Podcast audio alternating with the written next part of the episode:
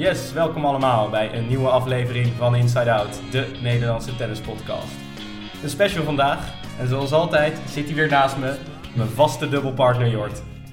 Jort, waar zijn we neergestreken vandaag? We zijn neergestreken in het uh, mooie uh, Breda, in een, uh, in een nieuwbouwwijkje in, in Breda, dus niet in de stad. bij een, een dubbelspecialist, mag ik wel zeggen. Ah, mooi. En, ja, en de koffie is goed. De koffiemachine liep, liep gretig door. Dus wij zitten er klaar voor en we zijn uh, blij dat we in de coronatijd uh, deze speler die eigenlijk altijd op reis is, toch hebben weten te strikken vanuit zijn eigen, ja, toch wel vrij imposante casa in Breda. dan zijn jullie natuurlijk al erg benieuwd over wie gaat dit. Korte introductie. tegenover me zit hij al te lachen. De man die op de mondiale ATP-lijst top 200 heeft gestaan Goed voor 9 ATP dubbelspeltitels. Meerdere titels gehaald met Robin Hazen, met Wesley Koolhof. En nu hier vandaag bij ons om te praten over zijn jaar, zijn toekomst en zijn verleden.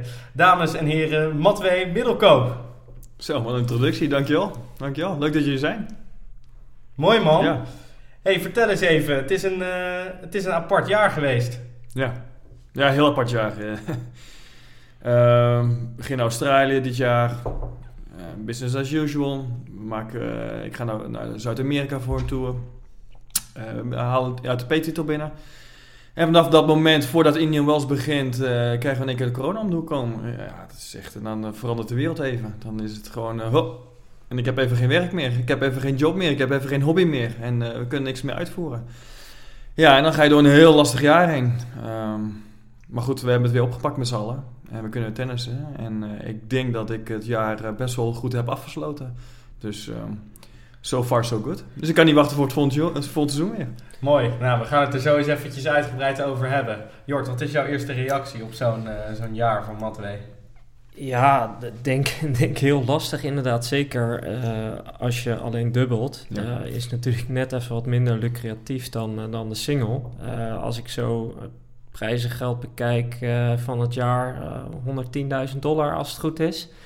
Ja, dat kan me voorstellen dat er wel eens jaren zijn geweest uh, waarin dat meer is geweest. Ja, meer, maar ook, ook veel minder. Ik zit nou eigenlijk in, in, in mijn carrière dat het nu moet oosten. alleen goed, ja, de corona heeft gewoon wel echt daar gewoon een bel erin gegooid. En is gewoon een stuk lastiger. Je zegt 110.000 dollar. Goed, dat, de jaren daarvoor heb ik daar ruim boven de 200 gezeten elk jaar. Dus dat is beter. Maar goed, ja, als je kijkt naar de jongens die onder mij zitten. Dubbelaars, singelaars, die challenges future spelen, die komen niet boven de 10, 15, 20.000 dollar. Dus op zich zit ik nog aardig goed en heb natuurlijk ook een buffer kunnen maken en creëren van al die jaren ervoor. Uh, en mijn toekomstperspectief zit er nog gewoon prima uit. Ik sta top 50 van de wereld in dubbel. Ik, ik speel de grote toernooien, de Grand Slams komen eraan goed, we zitten in de groepsapp van, uh, van of Australië wel doorgaat of niet, maar dat is voor zometeen. Maar uh, ja, weet je, ik zit hoog en droog. Um, uh, ook lichamelijk zit het goed. Ik heb er zin in. ik ben 37 jaar, maar goed, ik zit er nog 3, 4, 5 jaar goed in, heb ik het idee. Dus ja, dus die 110.000 wordt binnenkort 3 ton en daarna een miljoen en dan hebben we het nergens meer over. Nou, dan komen we gewoon weer een keertje dan Kom je er weer, dan, heb je weer een groter huis. Dan verwacht ik een cappuccino van je, Matt. Ik zit nu aan de zwarte koffie. Ja. Hey, hoe belangrijk waren dan, want laatst heb je twee finales uh, gehaald. Ja. Uh, hoe belangrijk waren die uh, voor jou? Heel belangrijk. Eén, nou, meerdere redenen eigenlijk. Uh, Sint-Petersburg, Antwerpen bedoel je? Ja. ja. Uh, Sint-Petersburg was een 500-serie. 500-serie, dat is natuurlijk gewoon qua punten en geld gewoon meer. Uh, misschien wist je het niet, maar Sint-Petersburg is ook mijn, uh, mijn tweede plek, tweede stad. Want mijn moeder is Russisch. En Rus, ze komt van Sint-Petersburg, dus ik heb daar ook nog wat familie zitten. Ik heb daar veel vrienden, vrienden kennissen zitten, dus er komen heel veel mensen kijken. Dus ik heb natuurlijk een hele speciale binding met die stad. En de jaren daarvoor heb ik het gewonnen. Ik heb ook een keer finale gehaald. Dus ik heb altijd een bijzondere plek, uh, ja, connectie gehad met, met Sint-Petersburg. En die 300 punten die ik daarmee gehaald heb, eh, heeft mij ook laten kwalificeren voor uh, beroemde ATP-pensioen. En die is heel belangrijk, want elk jaar strijden 40 dubbelaars voor hun pensioen. En elk jaar dat je een pensioen kwalificeert, komt er een x-bedrag aan op je rekening, waarna je naar je feitste uiteindelijk ja, je pensioen van ja, van krijgt. En dat, Oh, en dat, is top. wel, en dat is wel heel bijzonder. Dus Je dat was wel even lekker. Dus ik heb me gekwalificeerd voor dit jaar. Ja, dus elk jaar probeer je dus te kwalificeren. En elk jaar dat je erbij haalt, is natuurlijk eh, extra. Ja, dus dat is natuurlijk fantastisch. Je bent een broodtennisser. Dus uiteindelijk gaat het ook, ja, gaat het ook om de knikkers. Ja, en de, goed, die, die- dus dat was een hele belangrijk moment. Ja, en in Antwerpen daarna met een nieuwe partner.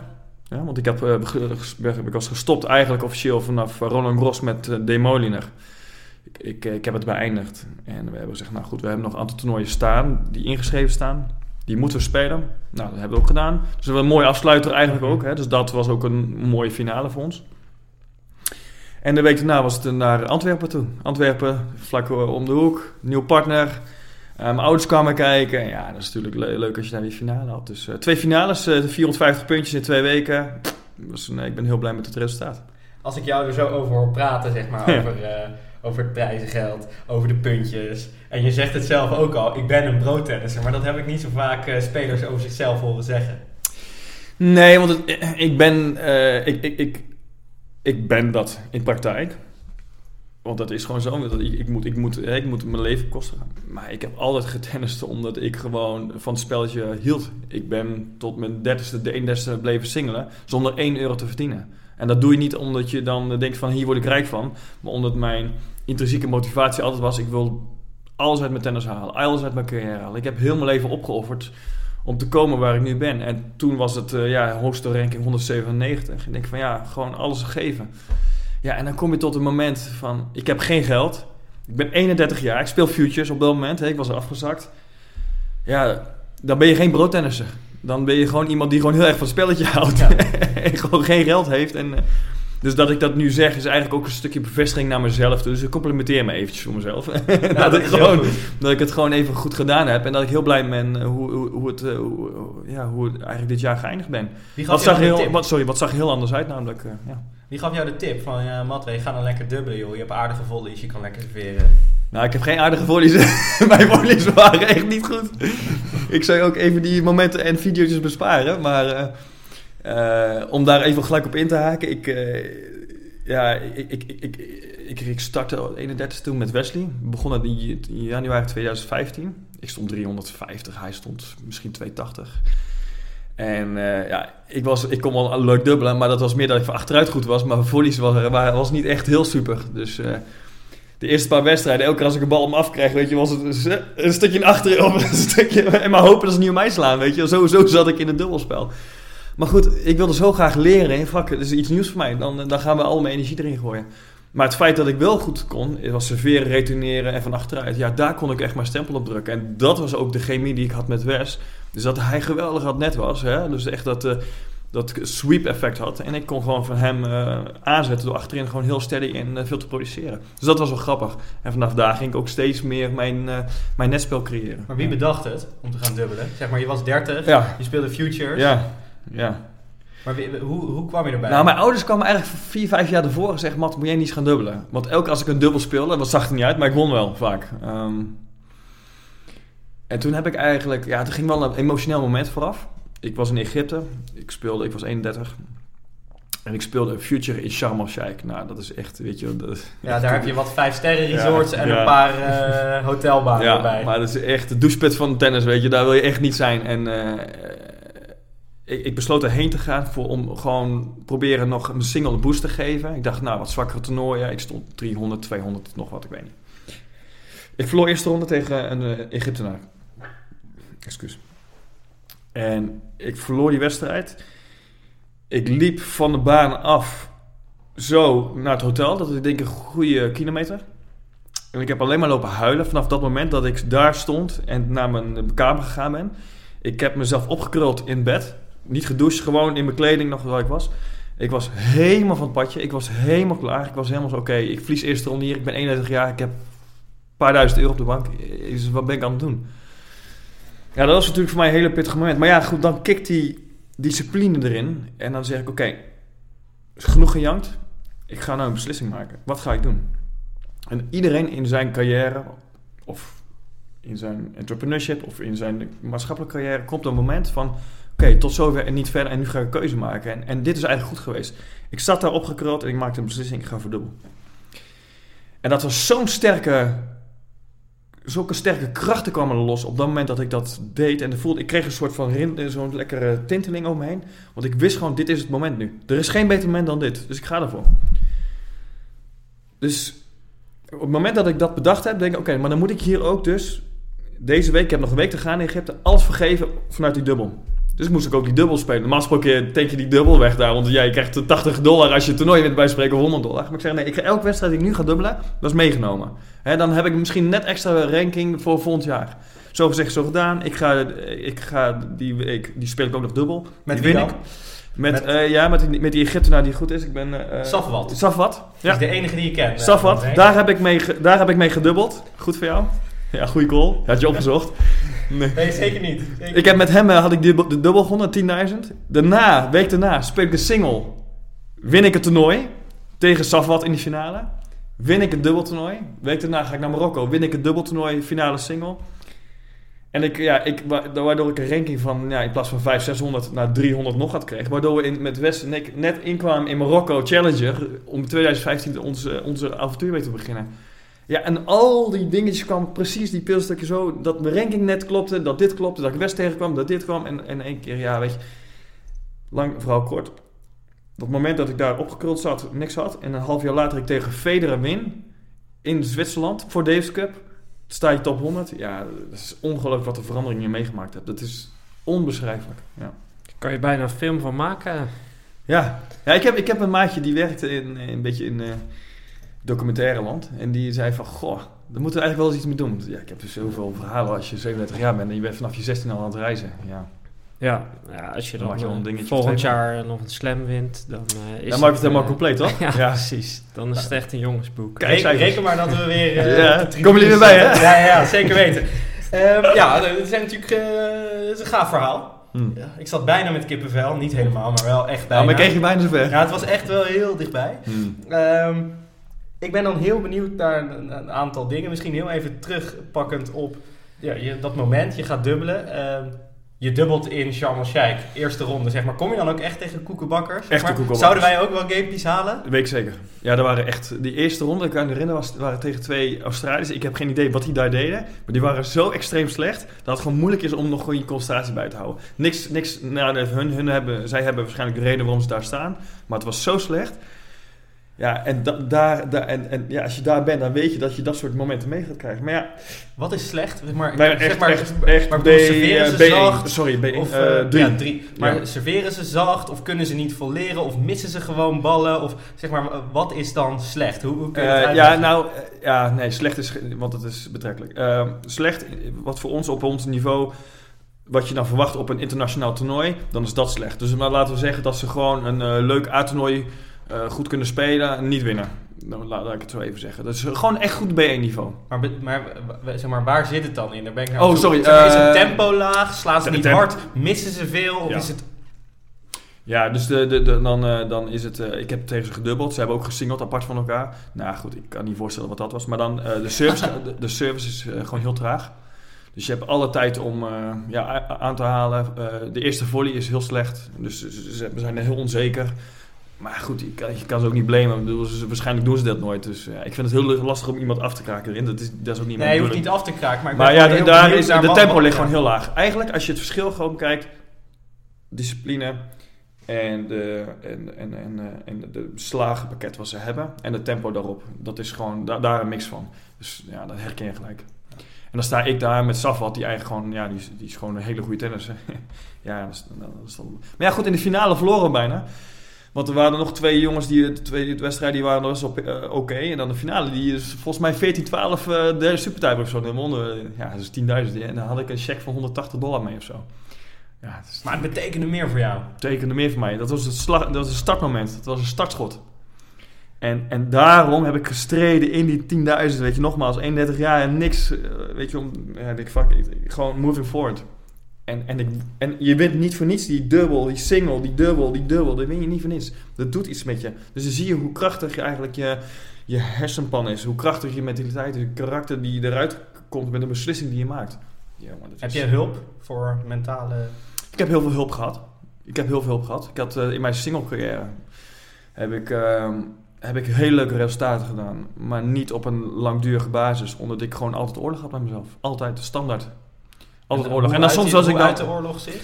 Oorlog is dat je niks accepteert, eh, dat je fouten maakt, eh, dat de scheidsrechter één verkeerde call maakt, dat je hem van zijn stoel wil trekken, dat je de, de tegenstander eh, ja, belachelijk maakt of met hem het gevecht aangaat. Heb je ook gedaan? Ja, ik, ik, ik, was, ja, ik, was vres, ik was verschrikkelijk.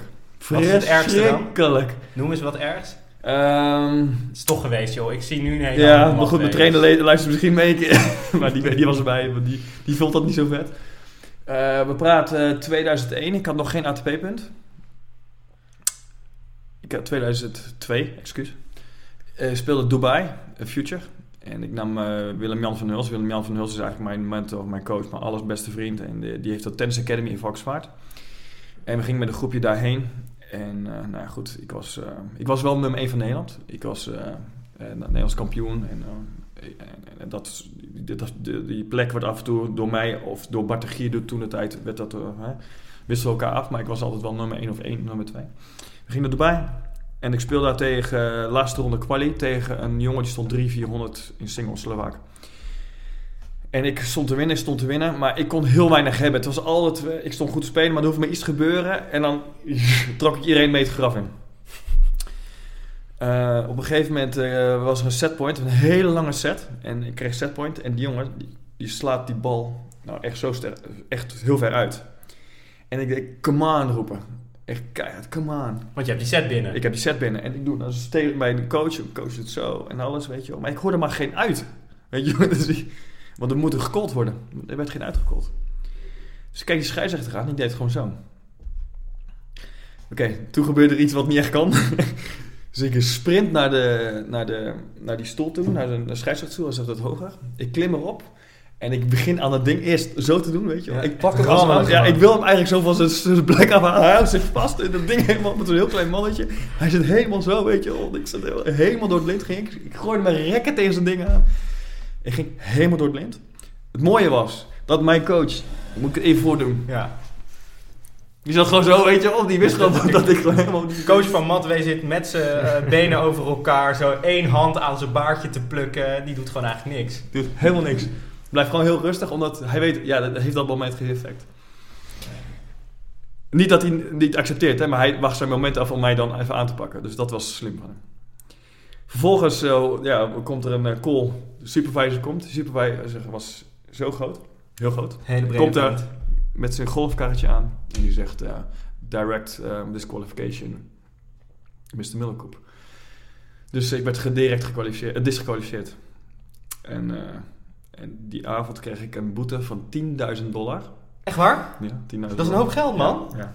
En toen hebben ze dus met schrijven en met spijtbetuigingen hebben die teruggebracht tot volgens mij 1000 dollar. Ja, dat is het hoogste bedrag dat ik kon krijgen. Dat bedrag heb ik één keer eer, langer, eerder gehad, of weer gehad, later in, in mijn carrière. Maar ja, dat, zo dan? dat, was, eh, ja, dat was heel pittig. Dus ik heb, ik heb uh, spuittuiging gedaan. Ik heb uiteindelijk 1000 dollar voor moeten. Ja, die, jongen, die man was zo bang op dat eh, bankje daarboven.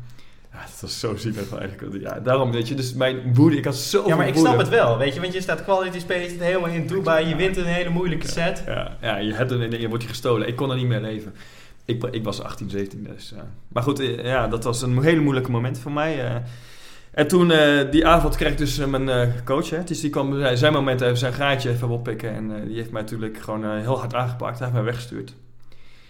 Week daarna, zouden we, of twee weken daarna, zouden we naar Israël gaan met het groepje. Hij zegt, je mag niet mee naar Israël. Dit was Van Hulst, Van Hilst. die ook bekend staat als iemand die... En ik zeg, mag ik alsjeblieft mee? En ik zou echt mijn leven verbeteren, bla bla bla bla bla. Hij zegt, ik, had een, ik heb hem overtuigd.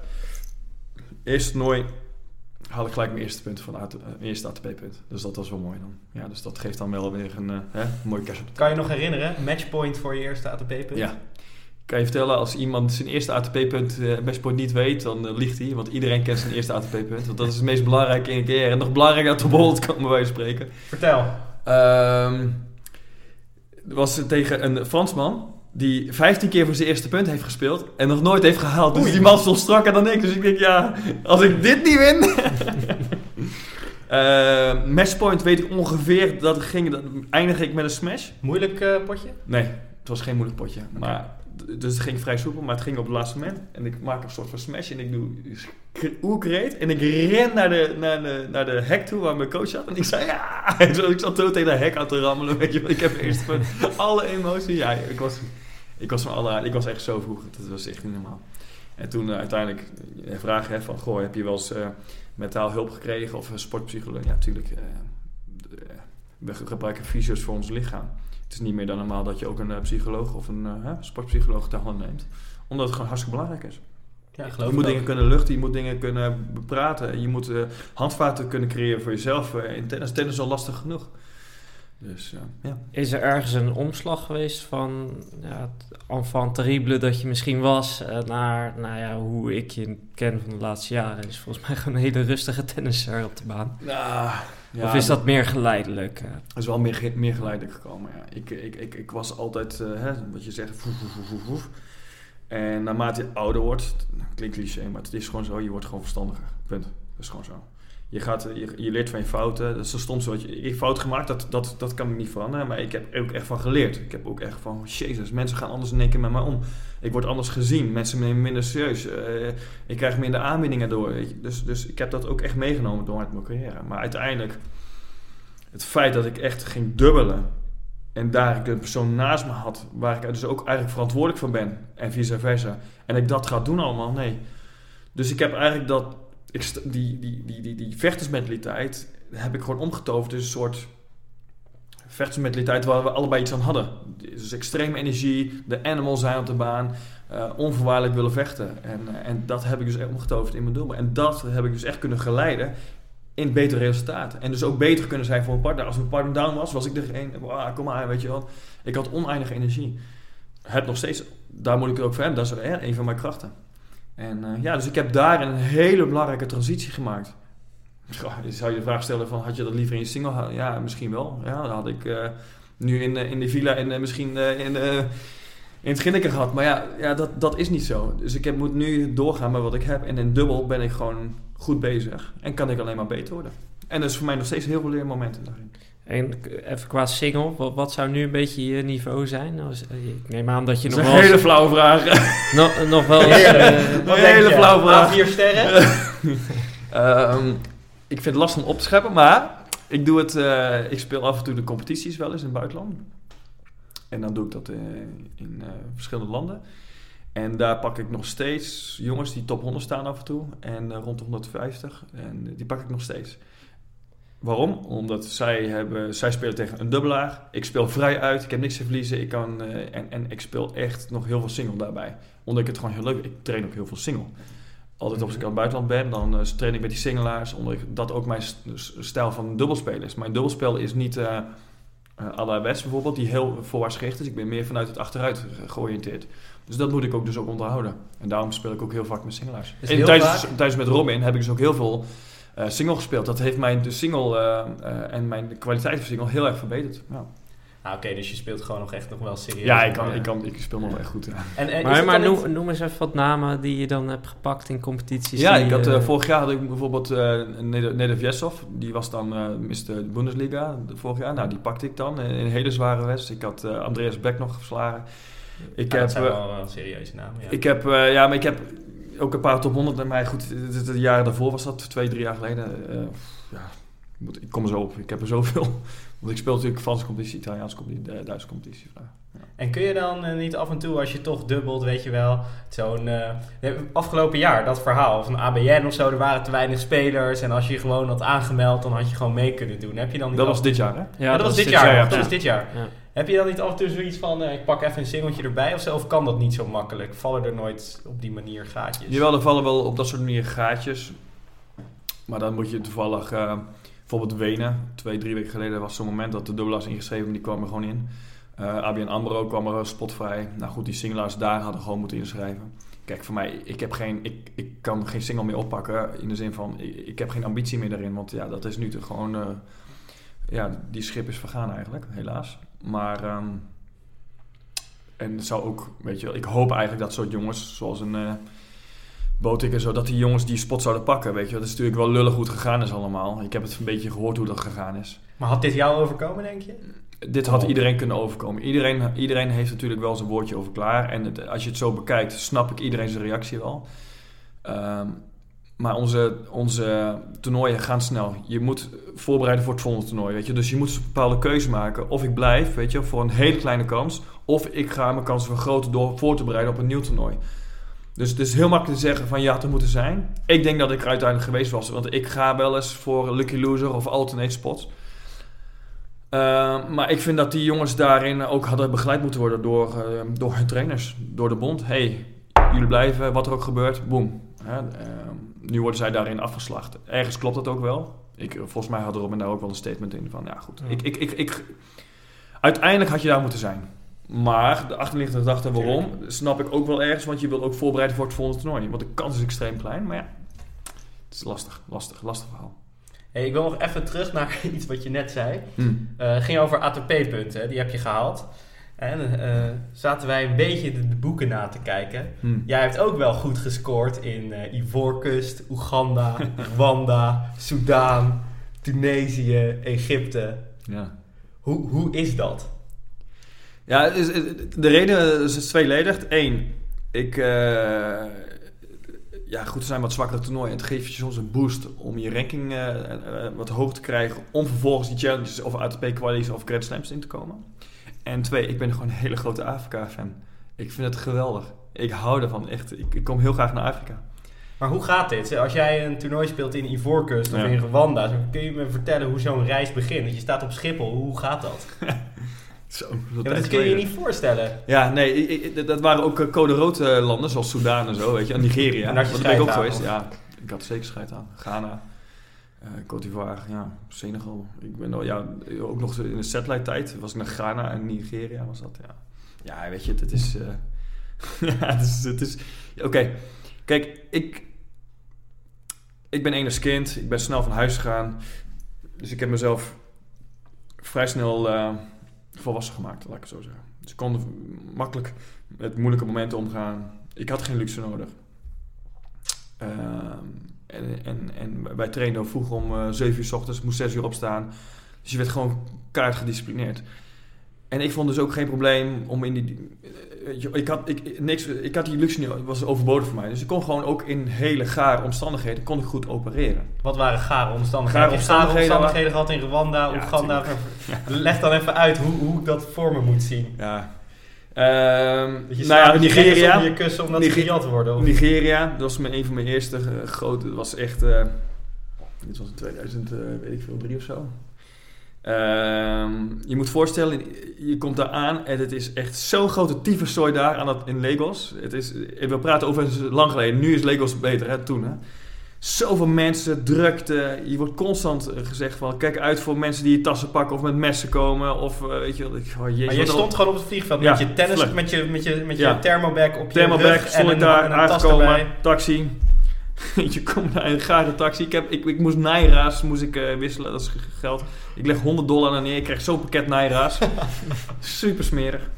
Ja, en dan, en dan begin je, en, en, en, dan, en die taxichauffeur, dat weet ik nog goed, die reed als een bezetene zo door alles heen door het verkeer. Ik zeg hier, als ik hier, ja, weet je, ik, ben hier, ik lig hier gewoon tien stukken. Het kan gewoon niet, gewoon hoe, hoe, hoe gevaarlijk die wegen kakt, weet je wel. In één keer, in één keer krater daar, weet je wel. dus ik kom daar en ik ga naar het hotel check-in. Ik was daar met een andere Nederlander, Remco Pondman. En uh, we checken in. En nou goed, op een gegeven moment uh, hebben we een hotelkamer. We delen die met nog een Italiaan erbij. En midden in de nacht word ik wakker en denk ik, ik heb zo'n dorst. Dus ik ga, ik pak die weer lift. En ik ga in de lift staan. En uh, de lift heeft glas, hè? dus gewoon oh, zo, dat je jezelf kunt zien, et cetera. En, en ik hou me vast aan de reding. De man komt aan de linkerkant binnen. En ik wil plaats maken. En ik schuif met mijn hand, schuif ik zo naar rechts toe. Om plaats te maken. En hij kijkt mij aan. Hij kijkt mijn hand aan. Hij kijkt mij aan. En, en de man is donker, maar hij werd bijna wit. Weet je, wat is er aan de hand, weet je? Dus ik kijk naar rechts. Heel mijn hand onder het bloed. Dus wat gekeken, doordat ik gleed over, dat, over de, hè, de, waar ik me ook aan vasthoud, was een uh, scheur. Van, uh, was, het glas was gebroken. Dus ik gleed zo langs dat glas zonder dat ik het zelf door had. Helemaal vingers open. Het toernooi moest nog beginnen. Ja, dus heel, en hier zie je een heel groot litteken. Ja, goed, die was helemaal tot hier, helemaal open tot het bot af. Ja, zit je in Nigeria, in Lagos, in mainland. En mainland is zeg maar het stukje waar het markt is, waar het super druk is, waar echt duizenden mensen op één plekje Nou ja, goed, ik ga naar de receptie toe, weet je. Helemaal handen onder het bloed, alles over de vloer heen. Die, weet je, ja, het was midden in de nacht. Dus die mensen, ah, helpen, helpen, helpen. Dus ik bel Remco in de kamer. Ik zeg, Remco, ik zit helemaal onder bloed, je moet even komen. Hij komt naar beneden, naar de lobby toe. Moesten naar het ziekenhuis. Maar gelukkig was hij om de hoek. Maar ik moest naar buiten toe. Nou, je moet even voorstellen hoe, wat een scenario het is. Helemaal donker, één grote teringzooi daar. En ik moest daar dus als blanke, twee blanken naar buiten, met een bloede hand, zo naar, uh, ja, naar, naar, naar, die, naar, die, naar dat ziekenhuis toe. Dus ik loop daar en je ziet al die ogen zie je op je gericht, weet je wel. En wat mooie was, ze waren eigenlijk heel lief. Ze oh sorry, sorry. Gewoon willekeurige mensen die er zaten bij die markt. Zaten, oh sorry, sorry, sorry. Weet je, dat zeiden ze allemaal. Dus ik wow, weet je, ik voel me eigenlijk best wel gemak eigenlijk dan. Uh, drie, vier uur s'nachts in, hè. Dus ik kom daar binnen, komt een hele grote Big Mama stond daar zo aan de toonbank. Zegt, uh, let me see your hand. Weet je wel? en ik laat die hand zien, helemaal open. En ze pakt op ja, dit was het moment. Ze pakt twee van die grote kammen, pak ze. En ze, eerst doet ze een beetje zo water eroverheen. En toen is, is, is, is uh, uh, ja, ze zei in de orde van, uh, nou comes the pain. Dus ze pakt het andere en ze vloeit daar wat spul overheen. Ik weet niet wat het was, maar het was alsof boter over een hete pan ging. En het schroeide helemaal dicht. Nou, lang verhaal kort. Ingetaped, volgende gespeeld, volgende gewonnen. Halve finale gehaald. Ja, en uiteindelijk ja, is dat je eerste kennismaking met een Afrika toe. Ja, dus daarna heb ik, uh, en dat beviel me wel. Ik heb Rwanda aangedaan, Oeganda aangedaan, Soudaan. Soudaan, goed, dus dat, was, er was een reeks van vier toernooien. Ik had Rwanda, Rwanda Oeganda, Soudaan, Soudaan. Ik won die vier toernooien zonder setverlies. dat was echt schaaf. Ik heb daar een, Nederlander ontmoet. Nou, dat is later een van mijn beste vrienden geworden. Die is ook tevens mijn sponsor geworden. Dus het waren hele vette, vette, ja, vette tijden eigenlijk. De eerste ronde moest ik tegen een lucky loser, zo heet dat. De jongen kwam niet opdagen. Moest ik tegen een ballenjongen, moest ik, werd ik ingelood. Dus de ballenjongen, die moest fungeren als de eerste ronde tegenstander. Nee, dat is echt ongelooflijk natuurlijk. Ja, dus dat, dat soort dingen merk je dan mee. Maar uh, ja, ook, ik, ik heb me ook heel erg geïnteresseerd in de historie van Afrika. Ik heb daar veel met de lokale pers gepraat. Uh, mensen van de Rwanda heeft natuurlijk best een... Bewogen jaar gehad in 1994 met de Hutus en de Tutsis. Die hebben dat verteld. Dat is ongelooflijk. Dus ik heb het echt connectie. Ik ben er twee keer, uh, daarna nog twee keer eerder geweest. Of uh, meer geweest, ja. terug geweest. Omdat ik het, ja, ik heb iets met Afrika. Ik ben naar Oeganda geweest. Uh, um, ik heb daar een hele grote connectie mee. En ik, ik, ik, ik, ga na mijn carrière ga ik daar vast weer terug. Misschien, misschien liefdadigheid of ga ik daar iets voor tennis doen. Ik, ik, heb, ik heb daar iets mee. Ja. Super. Wij, wij, kunnen als uh, West, West, uh, Westenaren, Europeanen, kunnen wij er echt heel veel van leren van die mensen. Wij, wij, wij, wij, zien ze altijd als mensen die niet zo heel slim zijn en corrupt en alles en gevaarlijk.